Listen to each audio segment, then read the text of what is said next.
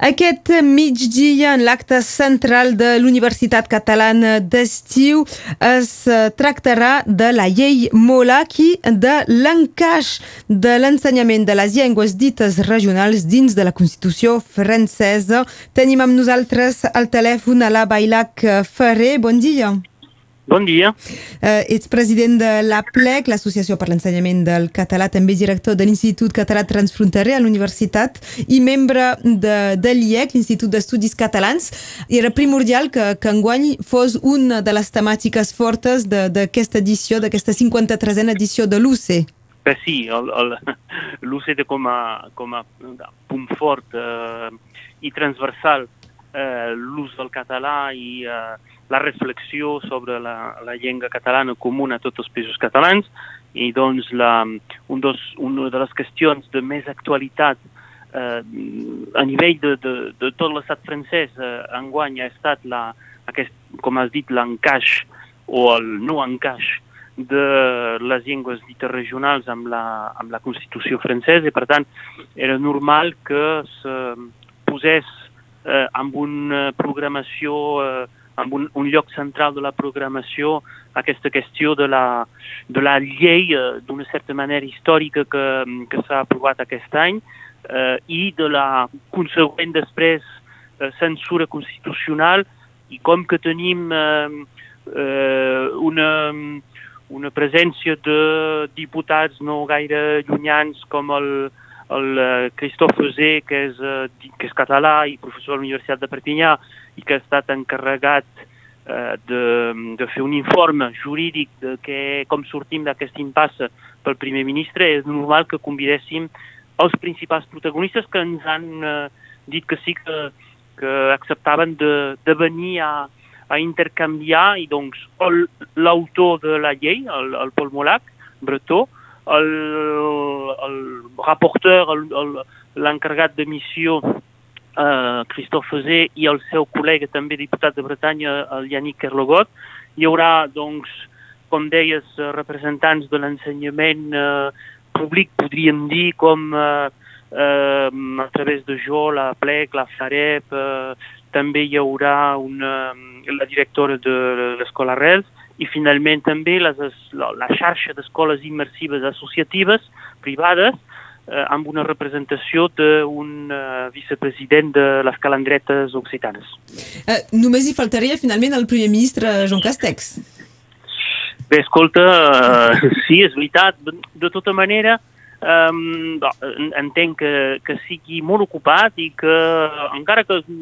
dubti pas que tingui ganes de passar per Prada i de, de, de fer una volta a l'UCE, però de tota manera eh, el calendari preveu que mm, doncs, després de rebre eh, el report d'aquests eh, dos diputats, eh, al mes de setembre el primer ministre rebrà el, eh, el representant de les associacions implicades amb la, la promoció de l'ensenyament de, de les llengües. I per tant, eh, encara que no el veiem ara mateix a, a Prada, eh, aprofundirem ara la, la reflexió, l'intercanvi amb, els, eh, amb els diputats i eh, farem la sessió de treball amb el, amb el Jean Castex al mes de setembre. En tot cas, aquest eh, dimarts, eh, com dèieu, hi, hi seran els, els dos missionats. Eh, un informe eh, que, que us, va, us va sorprendre per això? Uh, sí, és sorprenent a la mesura que no resol res però um, um, era, era, era missió impossible. És a dir, uh, amb l'espai d'unes quantes setmanes, com sembla que uh, van tenir, van disposar de quatre setmanes els dos diputats, uh, d'arribar a Salla del Barret així uh, de manera una mica màgica, uh, una solució jurídica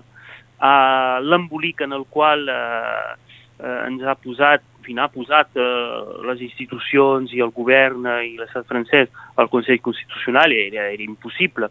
I per tant el que eh, proposa, eh, el que avança, el que suggereix eh, l'informe és de, veiem, parla de, de dret tou, du droit souple, eh, és a dir, tot el que no són lleis, eh,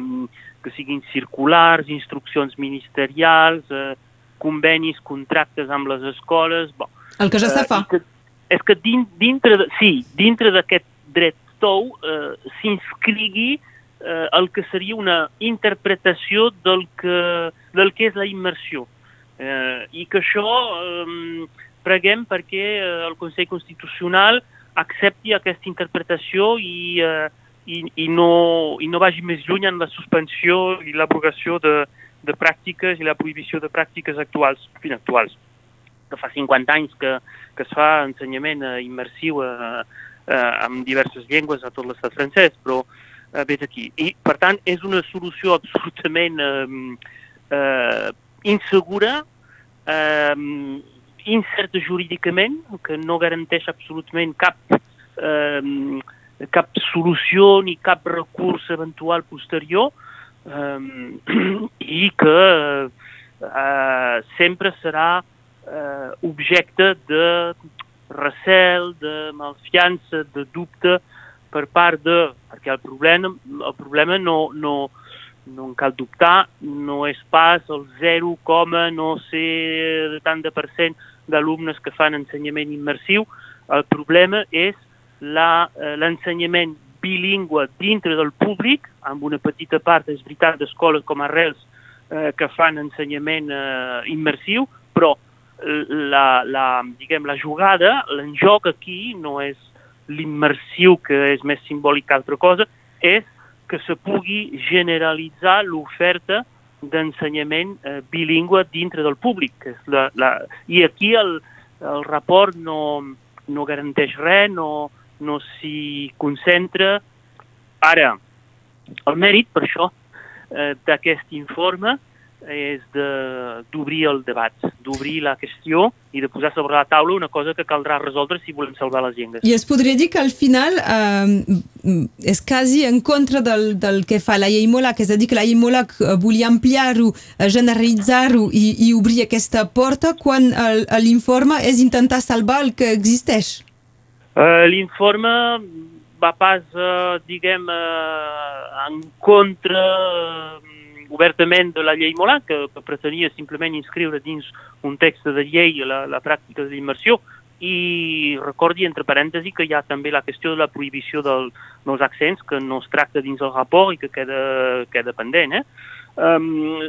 L'informe no va en contra d'això, sinó que intenta de fer un joc d'equilibri entre les exigències de les, de les interpretacions um, radicalistes uh, de, eh, del Consell Constitucional i la realitat del que és l'immersió lingüística eh, a l'escola. I llavors, és, és, deia en començar que era missió impossible, és incompatible, han d'intentar de, eh, de donar una solució que fa compatible coses que són incompatibles. La Constitució francesa diu que, en fi, la Constitució, l'interpretació que se fa de la Constitució eh, diu que eh, el francès és obligat obligatori, exclusiu i excloent de qualsevol altra llengua. A l'ensenyament, a la comunicació, a tot arreu. I la, la, el principi, l'essència de la, de la immersió és el contrari, és per salvar una eh, llengua, d'ensenyar eh, la llengua principalment, que és el terme que planteja problema, eh, de manera principal eh, dins la llengua que és objecte de la immersió i a més a més, en complement de fer que aquesta llengua sigui eh, realment objecte de comunicació, d'intercanvi de vida social. I és això que la Constitució diu que eh, és prohibit. I per tant, eh, és difícil eh, dins, encara que l'ESE sigui eh, jurista, eh, constitucionalista, d'arribar a dir, aviam, eh, quina escletxa podem trobar dins el dret en general eh, per eh, eh, proposar un marc eh, jurídic que permeti de continuar de fer immersió dintre d'aquest eh, d'aquest eh, marc molt rígid eh, constitucional. És, és, és, eh, és impossible, per tant, diu ell mateix, dins l'informe, que és una, eh, la suggestió que fan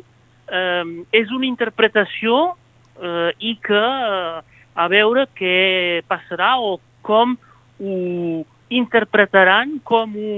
eh, jutjaran, com ho valoraran mm, els tribunals, si hi ha recursos, eh, el Consell Constitucional, si, eh, si torna a examinar eh, tal o tal escola, tal o tal pràctica, tal o tal circular, i, eh, i ja veurem, però no hi ha cap seguretat. El que necessitaríem absolutament és, primer, desactivar l'exclusió, diguem, la, de les llengües eh, regionals de la Constitució, és a dir, esmenant la Constitució, i després completar això amb una llei de llengües que expliqui què es pot fer, què no es pot fer, que possiblement l'immersió, etc. Però eh, això no es pot fer en sis mesos i caldrà veure com eh, activem això en els mesos que venen que um, seran de campanya de electoral, electoral. però el problema de les campanyes electorals és que hi ha, hi ha moltes promeses i després eh, la realitat és, és una altra cosa, però dins l'immediat, d'aquí poques setmanes, tenim la reentrada i eh, l'informe, el, el report és destinat a intentar que la reentrada se faci de la manera la més serena, tranquil possible, eh, que no hi hagi cap eh, impediment, diguem, mm -hmm. gros, i queda pendent de donar un senyal absolutament, un foc verd eh, positiu eh, a les administracions educatives perquè arrestin d'entrebancar el que és l'ensenyament del de, català aquí i de les altres llengües arreu, um, i no solament en el camp de, de l'immersió, a, a tots els nivells de l'iniciació, del bilingüisme, de tot arreu. I aquest queda el, el problema essencial. Per saber-ne més, l'avantatge és que si no sou en capacitat de ser a migdia al, al Cinema Lido de, de Prada, també ho podeu seguir uh, des d'on voleu a través d'internet aquest debat amb els principals protagonistes de la llei Molac i també de l'informe fet per Christophe Eusé i Yannick Kerlogo. Avui n'hem parlat amb la Bailac Ferrer. Moltes gràcies. Gràcies a vosaltres. Adéu, Adéu. bon dia.